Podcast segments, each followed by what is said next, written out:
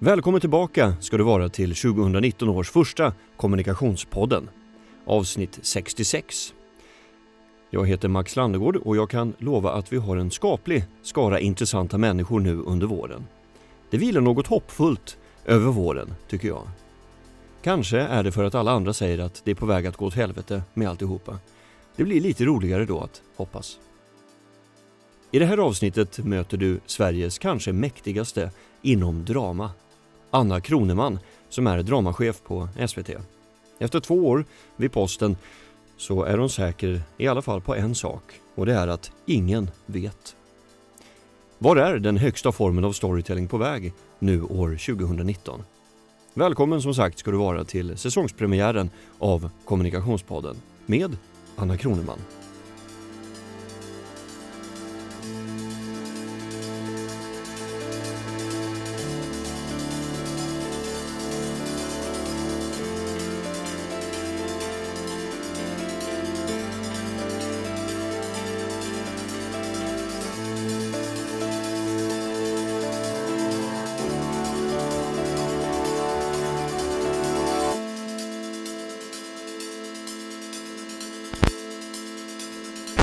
Anna Kroneman, dramachef på SVT.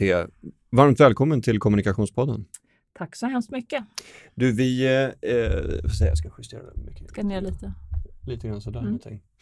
Eh, jag håller just nu på att eh, rekrytera på Storstad. Mm. Så eh, du avlöste precis en eh, eh, mycket professionell men tämligen nervös kandidat. Ja, vad letar du efter? vad kan jag söka som? Ja, exakt.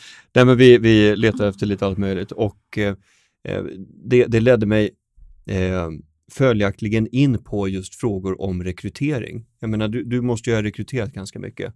Mm. Vad, vad brukar du tänka på när du sitter i ett rekryteringsförfarande?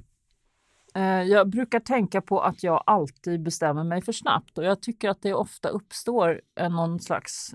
Eh, man har också oftast läst på lite om personen som kommer och sen kommer personen in i rummet och då känner man eh, genast eh, någon slags så här, energi om det känns rätt eller fel. Och jag brukar anstränga mig att försöka hålla bort den där första eh, och tänka att man gärna väljer det som man känner igen, som är välbekant. Och det kanske är något som påminner alldeles för mycket om en själv eller något. Eh, men om jag ska titta tillbaka så erfarenhetsmässigt så tror jag att de där första, den första känslan ofta har stämt väldigt bra. Det har blivit bra. Mm. Eh, men jag tänker att man måste, man måste försöka verkligen fundera på om, om man väljer något som påminner, som påminner för mycket om en själv. Man, när man egentligen kanske skulle bli bättre kompletterad av någonting annat. Mm. Så du menar att eh, magkänslan ska bli utmanad men den vinner alltid i längden? Ja jag, tänk, ja, jag tänker att magkänsla är ju ett annat ord för erfarenhet.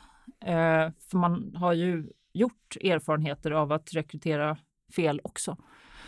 Ehm, mm, ja, nej, men eh, svårt. Jättesvårt att rekrytera rätt, tänker jag. Man Du ska hade vara ju någon modig. Du hade ju någon eh, kollega Ja, på SVT hade, som hade... ett eh, fantastiskt, eh, en fråga som en kollega till mig alltid använder i anställningsintervjuer som var eh, när du flyttar, hur lång tid tar det då innan du har packat upp dina kartonger? Och en person hade då svarat Nej, jag är väldigt snabb, det tar bara två månader. Jo, men där, där har vi det. Ja, Eh, ja, ehm, det finns, apropå just eh, flyttkartonger, så finns det någonting som jag har hört talas om ska vara IKEA-testet. Där det alltså går ut på att man ska kategorisera människor, vilket man inte bör göra men som alltid är kittlande roligt att göra. Eh, man ska se så här, okej, den här människan, är det här en människa som när hen har varit på IKEA och kommer hem med sitt kolli? Är detta en människa som delegerar åt någon annan att göra det, som gör det på en gång och testar utan att läsa instruktionen, som börjar med att läsa instruktionen och sen går metodiskt tillväga, eller i den fjärde kategorin skjuter paketet in mot väggen och tar en kopp kaffe. ja. det är lite samma fråga, men frågan Ja. är om det är ett eller två som är det bästa. Ja, det beror på vilken funktion man är Ja. ute efter, tänker jag. Jag är ju sorten som kastar Alltså, den slänger jag ju samtidigt som jag packar upp väldigt fort. Och sen ägnar jag väldigt mycket tid åt att försöka sätta ihop den Ja, här då, hyllan. då är du precis som min fru. Och jag, jag som är instruktionsboksperson, jag blir alltid lika förbannad. Jag bara, läs den bara! Ja, ja, nåväl. Men det är inte därför du är här. Ehm, jag eh, var bara väldigt nyfiken på, på din funktion, för jag, jag, Mm. jag tänkte bara spontant att vara dramachef på SVT måste vara ett väldigt svårt jobb. Och det var därför jag ville bjuda in dig för att se Mm. om jag kan bekräfta eller dementera detaljer i, i den bilden som jag har. Eh, och jag ska ju säga också för lyssnarna att vi, vi lärde ju känna varandra eftersom jag skickade in ett förslag Mm. eh, till SVT Drama, ett Mm. av många och ett utav dem som fångades upp som är en spin-off på en, eh, en bok som jag skrev för Storytel som handlar om en kontraktsmördare som går på pappaledighet. Eh, den gjorde vi en pilot på här Mm. på Storstad och eh, den tittade ni på och sen så inledde vi ju ett eh, samarbete Mm. under en tid. Mm. Och det var under den här utvecklingsperioden som jag Mm. bekantade mig med både dig och dina kollegor och eh, ja, men fick upp ögonen för en värld som för mig har varit ganska obekant Mm. innan Mm. eftersom jag kommer från mer från tv och kommunikationssidan innan. Mm. Eh, så att det är så vi har lärt känna varandra, Yes. skulle jag bara säga. Eh, har du ett svårt jobb? Eh, ja, jag har ett svårt jobb tycker jag, men faktiskt inte på något sätt eh, svårare än några andra jobb i den här eh, dramabranschen som jag befinner om jag, om jag, om jag, om jag liksom håller mig till det. Jag Mm. tänker, föreställer mig att det finns många andra jobb som är mycket, mycket svårare än det. Men nej, jag hade nog en inställning att eh, hur, svårt, hur svårt kan det vara? Eh, lite så här, instruktionsboken. Ja, men, jag, eftersom jag kommer från att ha varit en producent, en, en sån här egen oberoende producent som det heter, eller hette, som knappt finns idag, eh, i nästan hela mitt liv och har varit den som har liksom startat saker och drivit saker från scratch så tänker jag hur svårt kan det vara att sitta på andra sidan bordet och bara titta på vad som finns och cherrypicka. Mm. Eh, och på, typ, på ett sätt så är det ju också så, för det är ju inte jag som gör jobbet, utan det är ju faktiskt eh, författarna och producenterna och i, sen alla andra naturligtvis, regissörer och alla andra som är inblandade skådespelare. Men, men eh, det är ju svårt eh, därför att jag tror att för mig, jag, är, jag är, uppfattas som en väldigt rak person eh, Mm. i, i många fall. Eh, och jag. Och då pratar vi inte bara om hållningen. Nej, då pratar vi eh, om lite så inställning till hur man, eh, ja, hur man eh, Kommunicerar. kommunicerar. Och Mm. Det är någonting med att det är väldigt lätt att, att, kommunicera med människor som eh, liksom är, är mottagliga för det. Men det är också svårt. Det finns, finns många som, som, som lägger liksom sitt liv i projekt som inte, riktigt, som inte riktigt kommer på plats och som inte heller riktigt förstår varför. Och det är en svår utmaning. Men nu är inte det min huvudsakliga eh, uppgift eftersom jag har ju en väldig massa personal också. Jag har ju en utvecklingsansvarig och jag har redaktörer och jag har lektörer. Eh, så det är väl inte det som är det svåraste med mitt jobb. Men om vi pratade om kommunikation inledningsvis. När, när ligger det dig i fatet att du är rak då? Eh, Jag vet att du, du har återkommit till det här ett par gånger innan när jag har hört dig prata på seminarier och så. Mm. Nej, men jag tror att det, jag blir eh, ibland eh, kritiserad för att vara för rak eh, och har väl tagit till mig av det också och tänkt att, att eh, det är ju lätt att att man går för hårt fram och att jag tror också att jag blir, jag har ju blivit en mer ödmjuk person såklart eh, eftersom jag också blir eh, vuxnare och vuxnare.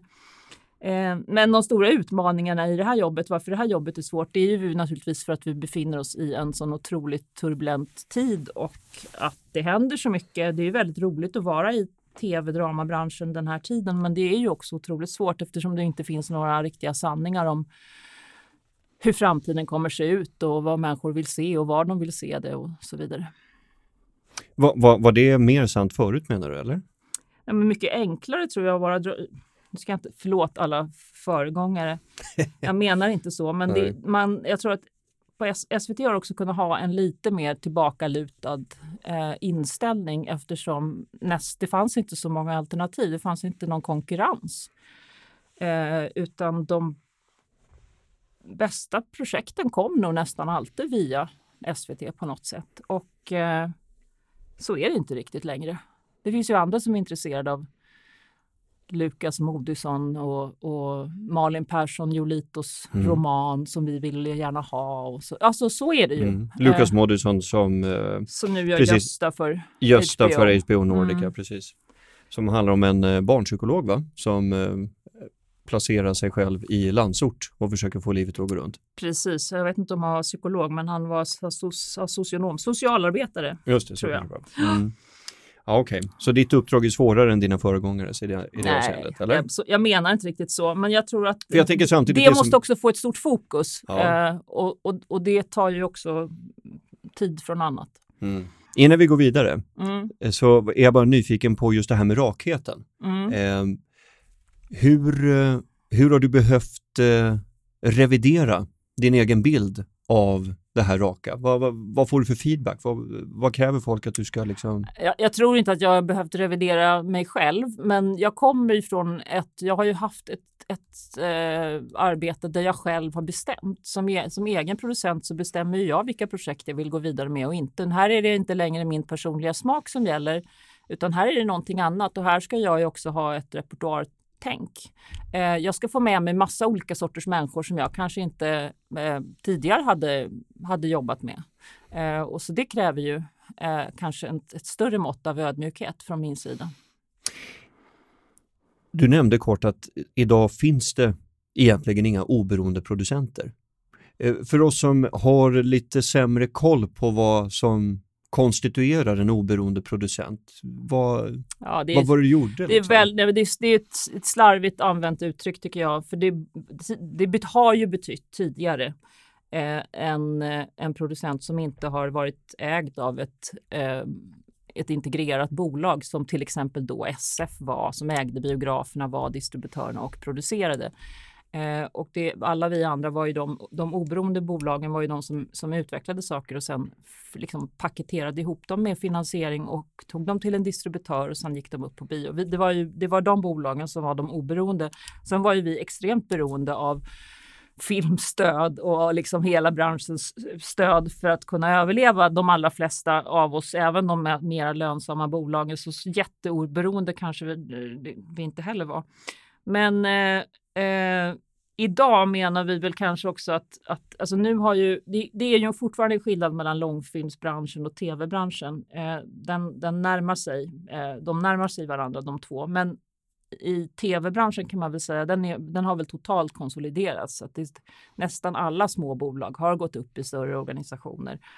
Eh, internationellt ägda eh, mediebolag, eh, eller i alla fall eh, nordiska Eh, vilka premiärer har vi att se fram emot 2019? Alltså jag har tyvärr kanske, alltså det är väldigt, väldigt fina serier vi har att bjuda på, men det är inget som kanske är någonting nytt, utan 2019 är ett år av eh, återkommande säsonger. Okay. Av serier som Bonusfamiljen, Vår mm. tid är nu, Innan vi dör, Andra åket. Och eh, de två titlarna som, som inte är återkommande är två korta serier, miniserier. Mm. Eh, Allt jag inte minns som bygger på Jonas Hassan Khemiris bok som Beata Gårdler regisserar. Och eh, en serie som heter Tsunami som Sara Kadefors har skrivit och som eh, Filmlans producerar och Henrik Georgsson regisserar. 2020 ehm, kommer nio stycken nya titlar som, eh, ja, då börjar, då börjar det som jag, som, som, som har börjat utvecklas sedan jag tillträdde, tillträdde tjänst. min tjänst. Mm -hmm. okay. eh, och om dem kan jag inte säga någonting eftersom oh. vi har faktiskt inte gått, gått okay. ut med men kan du säga, eh, på vilket sätt kommer man se att det här är en Kroneman-produkt? Nej, det kommer man absolut inte att se. Okay. Eh, det, det, har jag svårt att tänka mig. Vi... Du har inte varit så operativ inblandad på jo, det sättet? Jag har varit, jo, jag har absolut varit operativt inblandad, men, men som sagt, det är ju inte eh, Kroneman-serier, det är ju SVT-serier. Så eh, vi är ju ett, vi är ett team eh, som, som arbetar och det jag har eh, gjort eller försöker bygga i den här organisationen, det är ju att vi, nu har vi en, nu, precis har vi haft uh, Gardell-serien De dagar som blommorna blommar. Mm. Har haft premiär under julhelgen. Det var en egen produktion. Uh, just nu uh, har vi ingen egen produktion i pipeline alls och det gör ju också att vi väldigt renodlat är en, en utvecklingsavdelning. Och, och egen produktion menar du att ni gör allting Fullfinansierar och producerar mm. inhouse. Det gör mm. inte vi längre. Eh, utan vad som har varit viktigt för oss är att bygga en riktigt, riktigt bra eh, innehållsavdelning. Eh, och jag tycker att vi börjar bli väldigt bra på, på den, på hantverksbiten. Och att det är också det som upphovspersoner och bolagen uttrycker att de också behöver stöd i. För det är väldigt liksom, mycket att mäkta med att både vara bäst på innehåll. Man kan ju vara bäst på idéer, men på liksom hela hantverksprocessen att gå i mål med en lång serie. Eh, och att finansiera och att va, göra själva produktionen, och he, alltså hela vägen. Och där vi kan vara eh, ett, ett, ett bra stöd tror jag, det är ju på innehållssidan. Och vi jobbar väldigt tätt med bolagen nu och jag tycker att det funkar väldigt bra och vi har väldigt roligt tillsammans. Så det är, det är inte så mycket de kommer till oss, pitchar någonting, går hem och skriver, vi tittar på det och kommenterar, utan vi, det har blivit en, ett större samarbete skulle jag säga och det tror jag är positivt. Hur, hur länge har du haft den rollen som du har nu på SVT? Ja men faktiskt, alltså det har ju gått så rysligt fort, men två år i mars. Ja, två år. För då, då är det ju ganska långa cykler, tänker ja, jag. För du, du, säger att eh, 2020, då kommer det som, som ja. har utvecklats mm. under, mm. under ditt ledarskap, så att säga. Mm. Så 2019, vad, vad präglas eh, dramaåret på SVT av 2019, skulle du säga?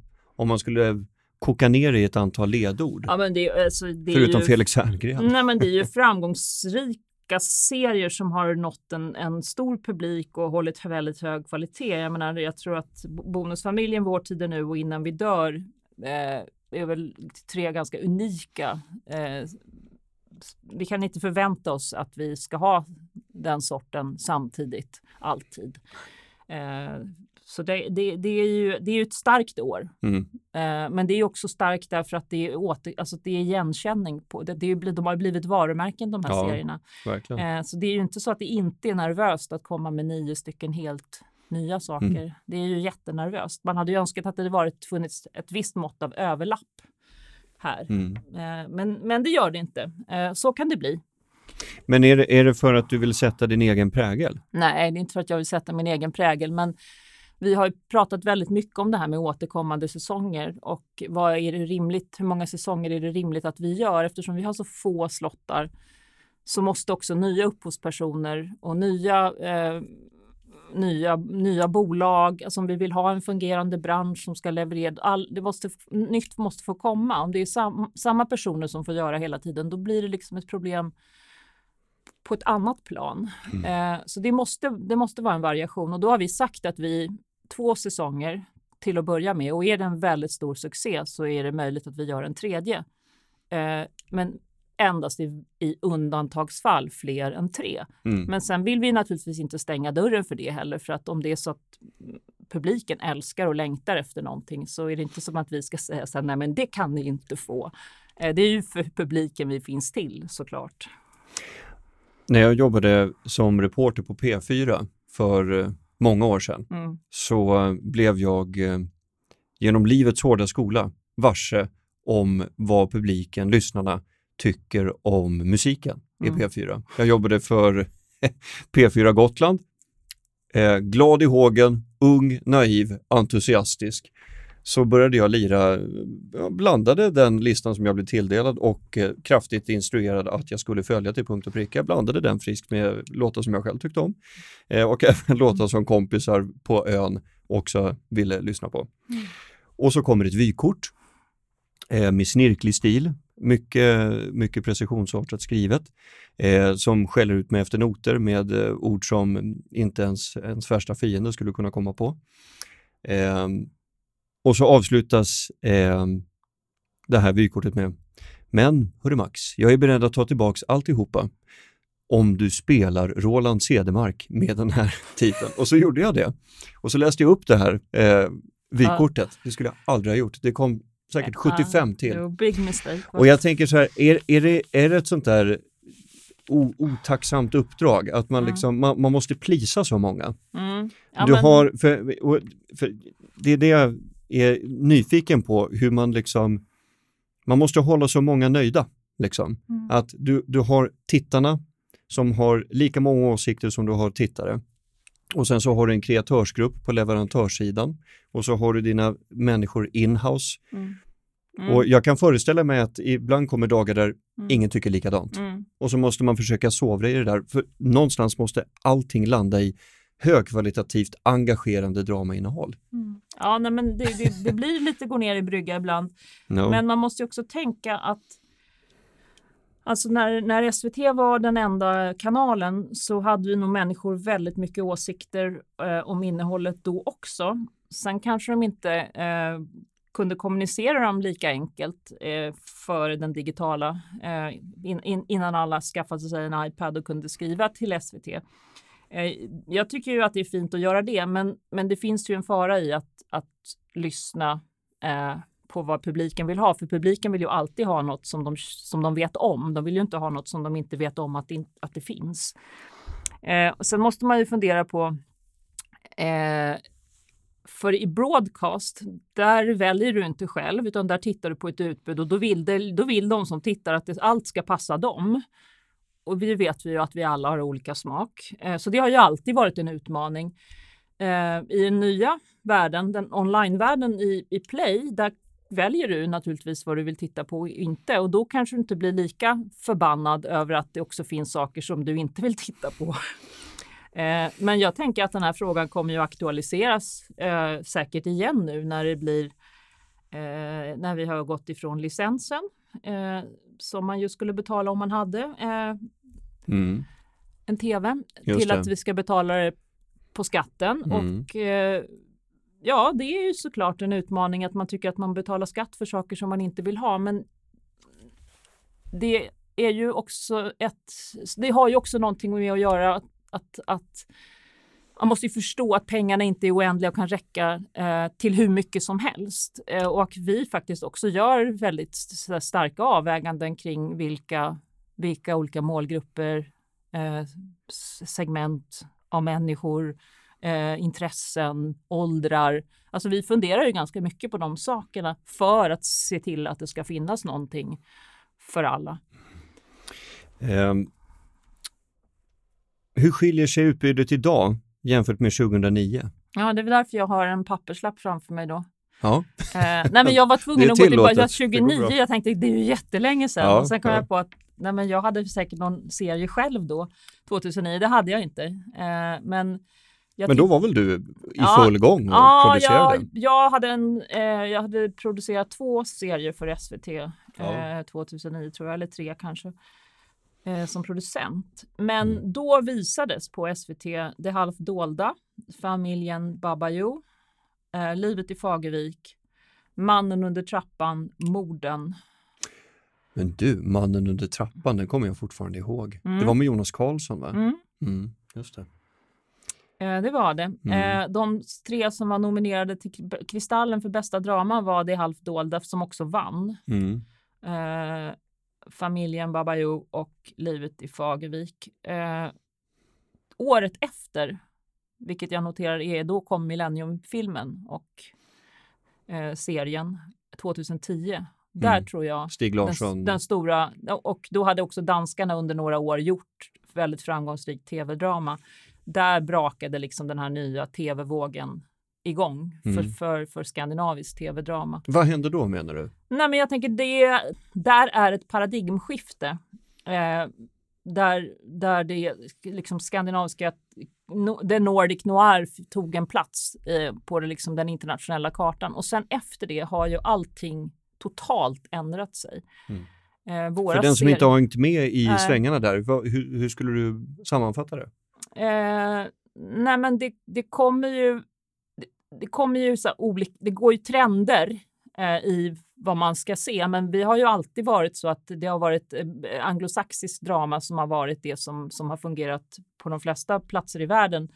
Eh, men eh, svensk tv-drama eller dansk tv-drama eh, har ju inte rest traditionellt så jättemycket. Men efter då, alltså det, det, jag skulle säga att danskarna var verkligen först och de hade gjort ett otroligt genuint arbete eh, med flera olika titlar. Eh, men och sen kom Millenniumboken, filmen, tv-serien som också spreds och det, det skapades ju något enormt sug efter kris, krim helt mm. enkelt. Nor, nordisk krim. Den ja, sortens... Bron kom väl 2011? Bro, va? Ja, precis. Mm. Eh, och eller 12, jag kommer inte riktigt ihåg. Men, men där, det är ju, eh, här startar ju någonting nytt och samtidigt så etableras då några år eh, senare Eh, de här SVOD-aktörerna kommer. Eh, vi är naturligtvis först i Skandinavien med, med HBO och sen med Netflix. Eh, och hela kartan för tv-branschen ritas om. Och nu har vi ju varit i den där framgångsvågen där väldigt mycket har liksom eh, nått ut. Jag tror ju att det kommer se väldigt annorlunda ut om några år för att det är ju någon annan som är the flavor of the month ganska snart. Och det Netflix gör till exempel är de satsar ju väldigt mycket på europeiskt drama på olika språk, men de dubbar ju också allting så att alla kan se allt på engelska. Eh, det är en helt ny, det är en helt ny eh, bransch, alltså mm. verkligen. Mm. Och vi, Spännande att Ja, och vi jobbar ju jättemycket internationellt med samproduktioner och finansiering från, från andra utomlands och så vidare. Så det, så det, det är ett helt, helt annat sätt att jobba nu. På vilket eh. sätt skulle, kommer det ritas om menar du, kartan? Nej, men, alltså hur man finans, alltså hur, hur man samarbetar. Jag tänker att, att, att människor väljer att vi har en, en, eh, en serie på svenska språket, alltså subtitlad på BBC, eh, Bron. Eh, alltså bara fem år innan hade alltså man hade sagt att det skulle aldrig hända. Det händer så himla fort det här mm. att, eh, att det blev intressant att titta på skandinaviskt tv-drama. Och, eh, och sen, jag menar, nu kommer ju titlar, jag tänker en serie som La Casa de Papel, spanska serien på mm. Netflix, mm. som eh, också har gjort liksom ett segertåg över världen med en, span, med en spansk serie. Ja, vi, vi har inte du varit men... så vana att titta på spanskt och italienskt Ferrante på HBO nu. Alltså mm. det, vi, vi, vi ser an, drama från andra delar. Eh, typ primärt Europa just då, tyvärr. Men det kommer säkert att, se annorlunda ut eh, där också. Men det är inte längre bara det amerikanska. Det är inte de här stora studiodealarna där vi köper allt som de producerar. Eh, utan nu pickar man ju lite ja. titlar eh, och sätter ihop en repertoar och de, de amerikanska studiosarna har det ju jättesvårt. De letar ju efter kreativitet i Europa. Det är ju omvänt. De var ju i Norrköping för inte så länge sedan och träffade herregud. Crazy Pictures eh, som i somras släppte Den blomstertid nu kommer. Eh, som eh, jag förstod blev i alla fall en, en ganska stor publiksuccé. Ja, och nu är nominerad för några Guldbaggar också. Just det. Ja. Jo, men eh, är det det du menar alltså att eh, svensk drama kommer ta större globala marknadsandelar? Eller? Mm, Ja, det så, så kan man ju säga. Jag, jag, tror att vi har tagit väldigt stora marknadsandelar under några år nu. Eh, och jag är, det är inte självklart att det kommer, att det kommer fortsätta. Eh, för det handlade väldigt mycket om Nordic Noir. Nu måste vi ju visa, jag vet inte hur många sådana paneler jag har suttit i på tv-festivaler de senaste då, då, två åren och pratat om vad kommer vara det nya från Skandinavien? Vad ska ni komma med nu när ni inte kan när, vi, när ni inte vill jag, vi, alltså det finns väl någon slags fatig för eh, den här polisen som let ska lösa ett mord över en hel säsong. Eh, vad ska vi, vad är det för nytt som vi ska komma med? Mm. Vad är det nya? Det är ju det vad alla undrar. Vad är det nya? Vad är det nya? Vad är det nya? Eh, och jag tror kanske att det nya kommer vara eh, allt möjligt för olika målgrupper. En, en avstickare, hette inte ditt bolag Storstad? Mitt du... allra första produktionsbolag hette Storstadsfilm. det är helt fantastiskt. Ja, det var inte jag, det var inte jag var inte involverad i att starta det bolaget. Det var, det var ju en, en av första avgångsklassen från Armibergs mm. första skriptlinjen. De startade storstadsfilm. Och sen efter några år blev, frågade de mig om jag ville bli producent där och så var jag det ett tag. Mm. Men Vad det är roligt. sant, jag har haft visitkort som det, som det har stått storstadsfilm på. Vad kul! Mm. Det förklarar varför jag under de första skälvande månaderna utav kalla samtal som jag ringde till också till andra produktionsbolag, eller vad säger jag, till reklambyråer. Då, eh, då var det flera som sa, men gud vad kul! Ja men storstad, storstad, men ni har ju varit igång länge och jag bara, ja alltså, åtta månader. Men då, det förklarar ja. saken, vad roligt. Ja. Eh, sen början av 90-talet har ni varit igång. Ja, det har vi, mm. exakt. Mm. Sen, sen man eh, drog av stödhjulen på trehjulingen. Eh, hur blev du Head of Drama på SVT? Hur såg processen ut?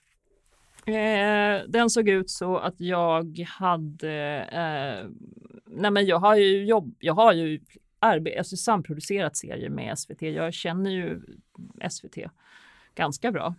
Eh, men sen hade jag också sagt att var det, var det något jobb jag skulle vilja ha så var det ju det här jobbet som jag nu har. Eh, det jobbet var ju inte ledigt eh, och hade inte varit ledigt på väldigt länge så att jag hade nog lite slagit det ur hågen. Eh, men sen så hade jag, jag hade precis startat ett produktionsbolag eh, tillsammans med några kollegor och Nordisk Film i Nordisk Film Köpenhamn eh, och var igång med produktionen under inspelningen av en långfilm eh, när det här dök upp. Och, då kom samtalet menar du? Eller? Ja. Mm. Vad sa de då? Nej, men alltså ja, för mig var det så här. Jag både ville ju och jag kunde ju inte. Jag kunde liksom inte kliva av när jag precis hade startat ett bolag och fått Nordisk film att satsa på oss och, och så där. Det kändes jättekonstigt och jag hade ju kollegor som jag hade drömt om att jobba tillsammans med och som jag äntligen gjorde saker ihop med. Så det var, det var otroligt svårt och jag var vansinnigt ambivalent. Men eh, Sen var det någon som sa till mig så här, du... Eh... Det finns rikskuponger. Mm, ja, precis, det finns det inte. Nej, eh, du, är, du är ju snart 50 år, Anna. Du kommer inte få frågan en gång till. Eh, och det var ju iskallt, får man säga. Spiken i kistan. Men att... eh, ja, fast det gjorde någonting med mig. Jag ja. tänkte så här, jag, jag vill ha provat det där. Jag mm. vill ha gjort det. Ja. Och eh, funkar inte så kan jag ju alltid fortsätta vara producent. Mm. Men jag kommer ju inte få frågan om fler gånger. Det förstår ju jag också. Så att det var bara att till slut eh, hoppa på tåget. Mm. Och det var, ju, det, var ju, det var ju inte tråkigt. Det var ju något som jag var himla glad för. Men det var, det var väldigt ambivalent under en tid eftersom jag också satte en massa människor i sticket. Och det tycker mm. jag inte om att göra. Nej, men det kan jag verkligen förstå. Alltså som, som företagsledare med medarbetare som har någon typ av kreativ näring så ja, men nu var det, det också, jag var inte ledare av det företaget utan vi var ju, vi var ju tre producenter som startade tillsammans och hade mm. liksom en vision för vad vi skulle göra och sen mitt i produktionen av den första säger jag att jag ska inte, jag ska inte fortsätta. Det var lite tufft, men eh, ja, det var så det var tvunget att bli, eh, tror jag. Mm. Du, eh, hur kom du in på film från början? Om vi bara tar en kort liten, eh, mm. för, för de som inte känner dig. Eh, jag kom in på film från början eh, faktiskt väldigt tidigt. Jag sökte jobb. Jag ville jobba med dokumentärfilm och sökte ett eh, jobb på ett, ett bolag och som gjorde just då en film som hette så, en dokumentärfilm som hette Så går ett år, tiden i Sjöbo. Det här var samma år som Troells Sagolandet också gjordes. Det var två stycken dokumentärfilmer som var över två timmar långa som gick på bio. Och den som jag då fick följa. Eh, det var inte det enda jag gjorde på produktionsbolaget. Jag var en produktionsassistent, men det var det projektet som som var liksom det första från ax till limpa projekt som jag följde. Sen jobbade de med beställningsfilm och allt möjligt. Så Hur gammal en... var du då när du hoppade ja, på det? Vad, vad är man när man har gått ut gymnasiet? 19, eh, 20? 19, ja, precis där.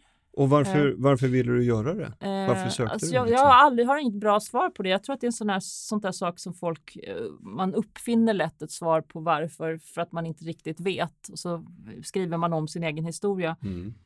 Eh, jag var väldigt intresserad av fotografi och jag var rätt politisk av mig eh, och lite förvirrad. Och det var ju faktiskt också då, eh, början, slutet på 80-talet, början på 90-talet, så kunde man ju också bara få ett jobb hur lätt som helst. Eh, Ja, folk har berättat för mig om ja, den tiden. precis. det, det var ju så faktiskt. Mm. Eh, och så, ja, men så följde jag det där projektet och fick ju eh, blodad tand kan man säga. Eh, jag gick på Kulturama, på fotolinjen och, och, lite sånt där sökte. Jag gick enstaka kurser eh, på allt möjligt och sen så efter eh, jag hade jobbat då på storstadsfilm med reklamfilm Mm. under något år så kände jag nej, jag vill göra film, film och på riktigt. Så då sökte jag till eh, det som nu heter SDDH, som Mm. hette DI då. Eh, Till producentlinjen? Ja, till producentlinjen. Mm. Hur gammal var du då, när du sökte producentlinjen? Ja, vad var jag? 24 kanske? 25? Mm. 24? Mm. Eh, det var samma, jag gick, jag gick samma år som Lukas Moodysson. Ehm, Men han gick regi, va? han gick regi. Han gick regi. Mm. Vilka berättelser var det du gick igång på? Kunde du se ett stråk? Nej, jag har haft väldigt svårt att se ett, ett, någon, något slags... eh, Signum liksom? För, nej, eh, det, jag tror inte det. Jag, jag, nej, jag har faktiskt ingen riktigt röd tråd, eh, utan Ja, men jag, jag, jag har bara varit intresserad av projekt som har velat, som har haft något på hjärtat kan man säga. Eh, och jag eh, som, som har, ja, jag har ju också, min, min personliga smak har ju varit väldigt mycket eh, så, så arthouse-film. Eh, eller ja, som, som nästan alla andra människor som jobbar med det här så vill man ju liksom se de saker som kanske utmanar eh, filmen som form eh, på något sätt. Men, eh, men sen så gillar jag ju, så min smak har ju varit väldigt mycket, har ju också varit väldigt så här, eh, den bästa amerikanska eh, men filmer som Inside, alltså sådana här, såna här så journalistisk teman, den Mm. sortens grävande journalistik, av, typ. samhällsavslöjanden. Ja, Mm. den sortens filmer har ju alltid varit mina liksom, favorittitlar.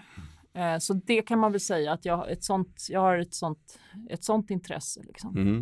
Ja, jag såg eh, John Grishams eh, filmatisering av, eller ja, det var inte Mm. han som filmatiserade, men Nej. Firman Ja. eh, igår. Det är ju en helt fantastisk film. ja, men det finns ju mycket från 70-talet och framåt där som är väldigt, väldigt bra. Ja, starka grejer.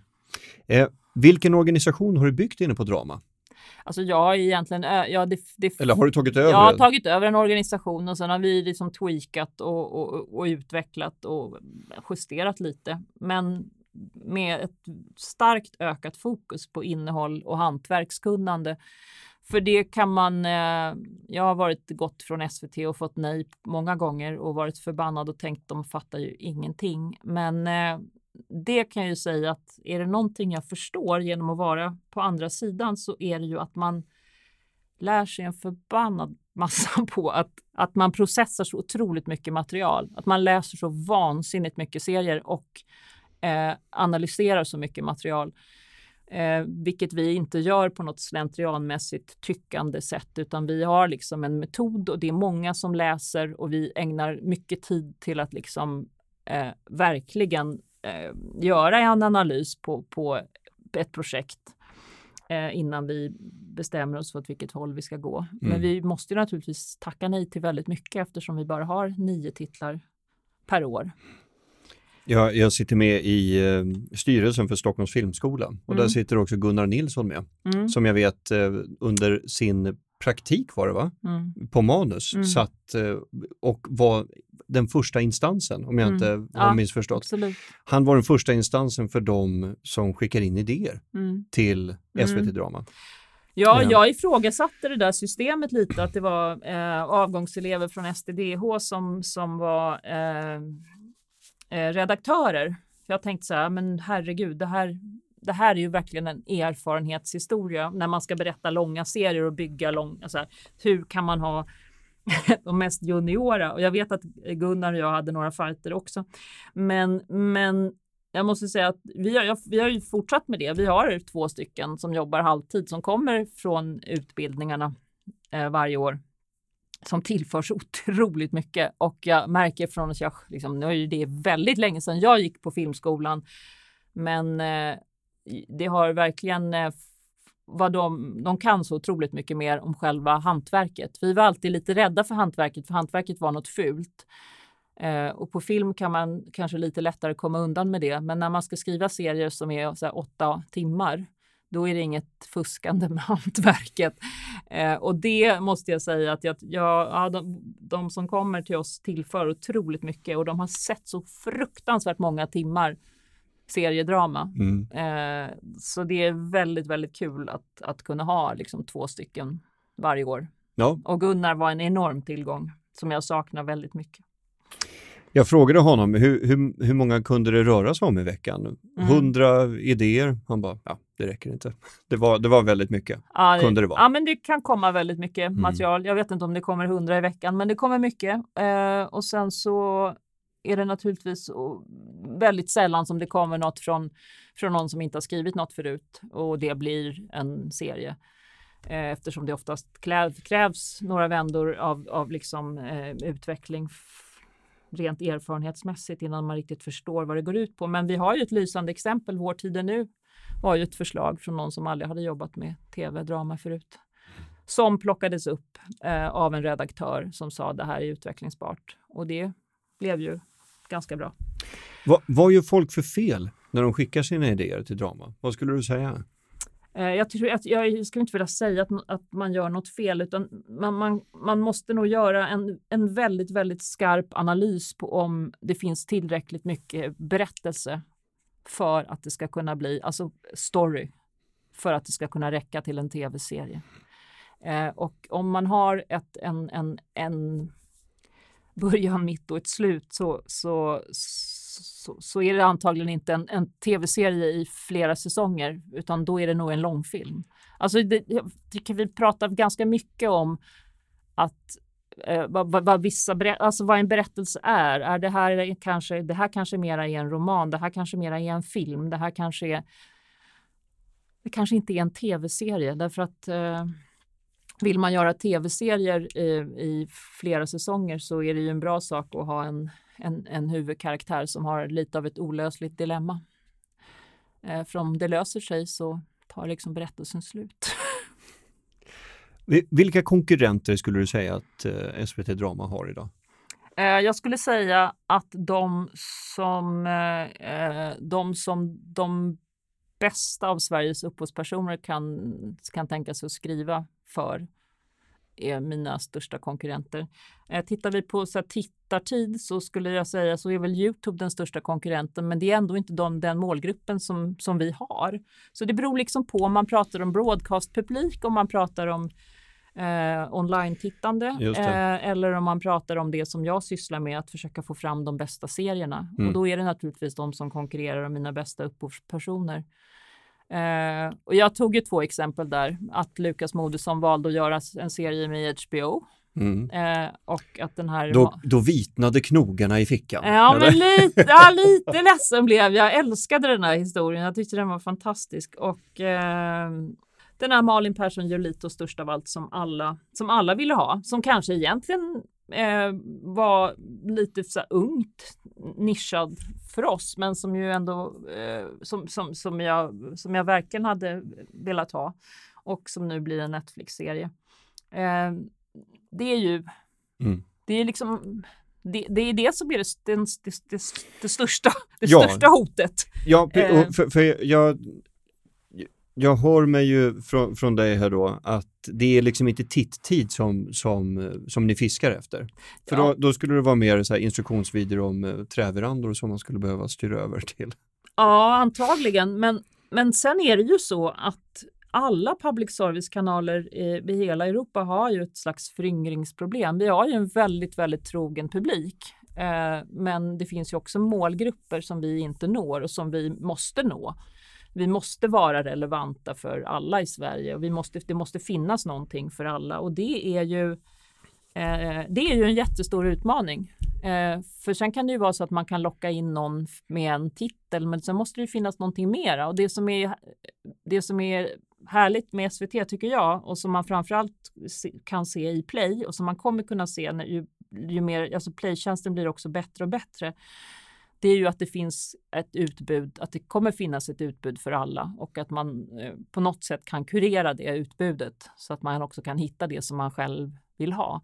Eh, då tror jag också att, att det blir lättare att nå eh, en yngre publik som, som vet vad de vill ha och också man kan presentera det för dem. Det är vårt, vår, en, stor, en stor utmaning är ju att, att vi har ju heller ingen liksom, marknadsföringsbudget. Vi har ingen stor marknads... Vi kan inte gå ut och berätta för alla om allt som vi har, för vi har, de pengarna har inte vi. vi har, tidigare har vi funnits i broadcastkanalen. Där har vi trailat och talat om att nu kommer det här snart och så. Vi bygger förväntan där. Mm. Men om vi bygger förväntan där och ingen, ja, så, så måste man ju jobba på andra sätt. Så det är ju en ny, liksom en ny tid på många olika sätt. Mm, exakt. Jag minns det väldigt tydligt när Innan vi dör kom, för då fick jag den rekommenderad av en, en, en kompis till mig. Och så, då växlade vi över under tre, fyra dagar till SVT Play. Och sen tillbaks till HBO, så där vi fortsatte titta ja. på en annan serie. Ja. Mm. Och sen gick vi till Netflix mm. och sen hyrde jag ett par filmer på iTunes mm. och sen gick vi till mm. Amazon. Alla de, det är ju helt plattformsoberoende. Ja. Alltså, jag, mm. jag menar, det är jag ju verkligen inte ensam om, men det är, det är ju verkligen så konsumtionsmönstret ser, ser ut. Men jag menar, jag, jag tänker så här, är, det inte det eh, givet att man behöver styra över lite medel då till marknadsföringen? Eller? Jo, men eh, eh, det är ju inte, det är ju inte Alltså vi har ju ont om pengar att göra program så det är ju naturligtvis en avvägning. Eh. Har, har, jag tänker, med tanke på att vi har en heyday, det blomstrar mm. ju utav tv-serier mm. som aldrig förr. Mm. Eh, världshistorien har ju aldrig sett ett motstycke utav liksom produktion av drama om man tänker på en internationell nivå. Hur har det här också blivit hörsammat inom SVT? Har man kunnat skjuta till mer pengar? Nej, vi har nog en, haft en konstant dramabudget sen jag tror att vi räknat ut att det var sedan 2008 eller något sånt, där vi inte ens har en, någon procentuell uppräkning. Eh, så vi rör oss med ungefär samma pengar och det som då händer är ju, alltså man kan ju välja att dra ner på volymen och göra färre serier eller så måste man hitta mera extern kapital. Och det är ju det vi har gjort. Vi har ju varit eh, ganska duktiga på, eller eh, inte så mycket jag utan tidigare under de här åren eh, med att hitta Eh, vi finansierar ungefär 50 procent av en series kostnader. Det varierar, jag skulle säga att det varierar väldigt kraftigt, men, eh, men där ungefär. Eh, och resten av pengarna måste man ju hitta någon annanstans. Dela med andra distributörer, eller? Ja, men det är, finns all möjlig annan finansiering. Det kan ju vara en regional fond och det kan vara en skattelättnad i något annat land. Det kan vara en minimumgaranti, alltså ett förskott från en internationell salesagent, en distributör. Eh, det kan vara en samproduktion mellan Danmarks Radio och SVT som Brom var. Det. Alltså, det finns ju olika modeller för att göra det där på. Mm. Men att vi, om vi skulle fullfinansiera så skulle vi bli väldigt få serier. Och det mm. är ju kanske en utmaning i sig Därför att eh, det får ju inte bli så att finansieringen styr innehållet, det vill säga vad kan vi finansiera? Eh, då kunde det bli bara krim mm. eh, av en viss sort. Just det. För det är det som går att sälja. Så att man måste vara väldigt man måste vara väldigt försiktig och väldigt vaksam på, på det där.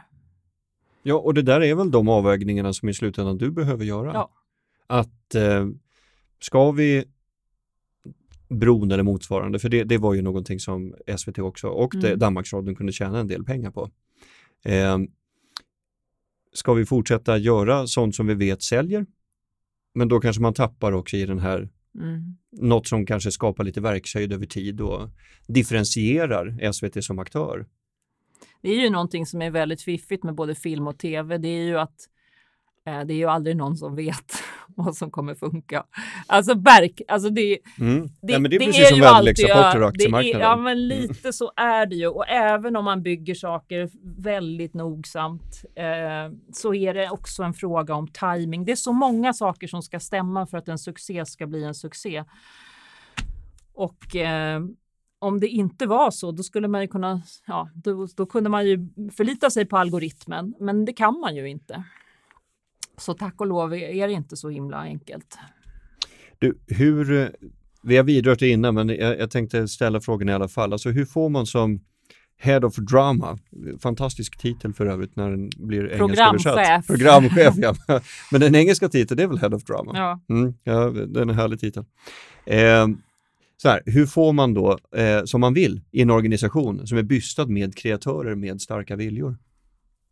Eh, alltså, det är en, alltså, organisationen för mig, det är ju de som jag, sam, som jag jobbar med internt på SVT. Eh, sen samarbetar ju vi, vi samproducerar ju alla serier med externa bolag. Och jag har sagt att alltså, vårt viktigaste fokus är ju att och jag tror enda chansen för oss att göra de bra sakerna är ju att vi är liksom den bästa partnern för de oberoende, alltså de, de eh, inte oberoende bolagen utan de externa bolagen och de bästa eh, upphovspersonerna. Eh, att vi ska liksom vara en, en bra och schysst partner för dem. Eh, och det är ju inte så mycket så att det är så här att själva organisationens... Mm, ja, det är klart att det är många viljor, men jag har någon sån här princip att man måste, man måste jobba med tillit och förtroende för att det är så himla mycket rädsla och osäkerhet just nu eftersom ingen vet eh, riktigt kring hur framtiden ska se ut och allting. Och då, då smyger det in sig in en, en sån här väldig så här, eh, att man ska kontrollera saker för att man är rädd av andra anledningar. Och jag tror inte på det.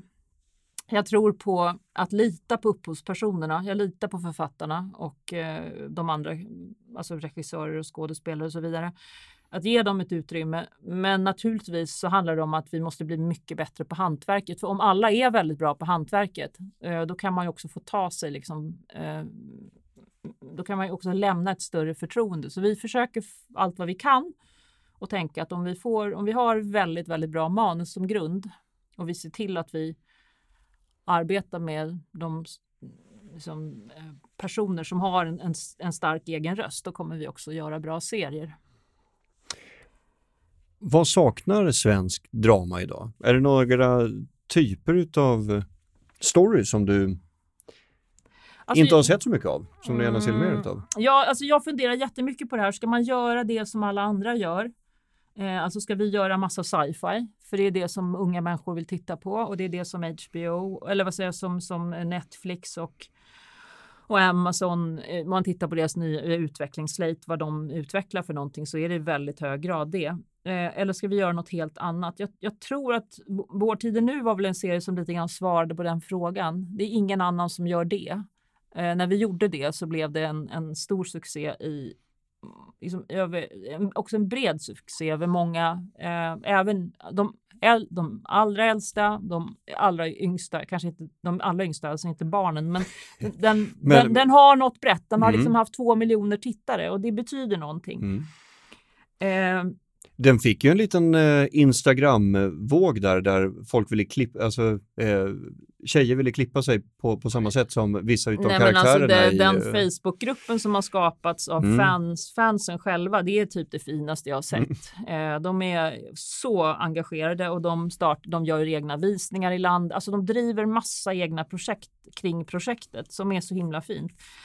Eh, men så jag tror att man måste fundera på att man vågar göra inte precis det som alla andra gör. Eh, men sen tänker jag att vi kanske, vi har, vi är ändå Alltså vi, vi pratar som att vi har gjort det här i hundra år, men det har vi ju inte. Utan vi sa just det att de långa serierna, eh, också i flera säsonger, det började vi med, med bron egentligen. Eh, och så vi, är Ganska gans- vi är nytt gan- fenomen. Ja, vi är ganska, vi är ganska mycket nybörjare i, i det. Mm. Och jag tror att vad, vi, eh, vad, vad jag saknar är några eh, erfarna författare med starka egna röster. Eh, alltså som, som både har liksom eh, kompetensen att, att, att förstå eller kom, så det komplexa i att skriva långa serier, att hur mycket, hur mycket drama det behövs för att det ska bli bra. Eh, och ändå ha en, en stark egen röst. För det finns ju, det finns ju liksom de som är väldigt duktiga på hantverket. Eh, men kanske ändå inte har något på hjärtat. Mm, och så finns det. det de som har väldigt mycket på hjärtat men som inte or liksom orkar bry sig om hantverket. Mm. Eller vill. Just det. Eh, alltså, du menar alltså å ena sidan eh, goda storytellers utan någonting att berätta? Ja, ja men så har det nog alltid varit. Men, men jag längtar efter några fler som är sådär som verkligen har eh, en, en, stark egen röst och också faktiskt eh, en, en, en verktygslåda med sig. Mm. Um, sen tycker jag vi, det skulle vara härligt om vi gjorde något som var så här helgjuten toppklass som både var liksom nyskapande och brett. Uh, det gör ju nästan ingen, men när det händer så är det ju väldigt härligt. Och det är då man kanske går på det där som vi inledde programmet med. Något som man ska lära sig att ifrågasätta men ändå som vinner i längden, magkänslan. Mm, ja, ja, det, ja kanske. Jag, jag tror att eh, jag önskar mig väldigt mycket att jag ska bli överraskad av något och jag Eh, ibland blir man det. Ja, det var en, ett projekt som kom till oss eh, som bygger på en verklig historia och som hade försökt, som många har försökt utveckla och eh, inklusive faktiskt eh, en gång också jag själv tänkt tanken att det där borde man göra. Eh, men det är för svårt och lagt det åt sidan och några har provat och det har inte blivit så bra. Och så plötsligt så kom det en person som hade skrivit eh, alldeles enastående om det och det var en person som jag inte ens visste skrev eh, dramatik. Mm -hmm. Eh, Vadå, vad var det för story då? Nej men, det, nej men det kan jag inte säga för det är väl våran Jaha, jul, det, är det, är vår, det är vår julspecial 2020. Men, men, eh, ja, men man, det är väldigt härligt att bli överraskad. Och jag mm. älskar när jag har, eh, tror att jag ska att jag vet något och sen har jag fel. Det är det, det bästa jag vet. Jag älskar att bli överbevisad. Så, så ja. Det, det, det är en bra ja, men det, egenskap. Ja, men ja, det, det tror jag det tycker jag om med mig själv. Att jag gärna äter upp en gammal hatt. Anna Kroneman, eh, programchef för drama på SVT. Stort tack för att du ville vara med i Kommunikationspodden. Tack så mycket för att jag fick vara med.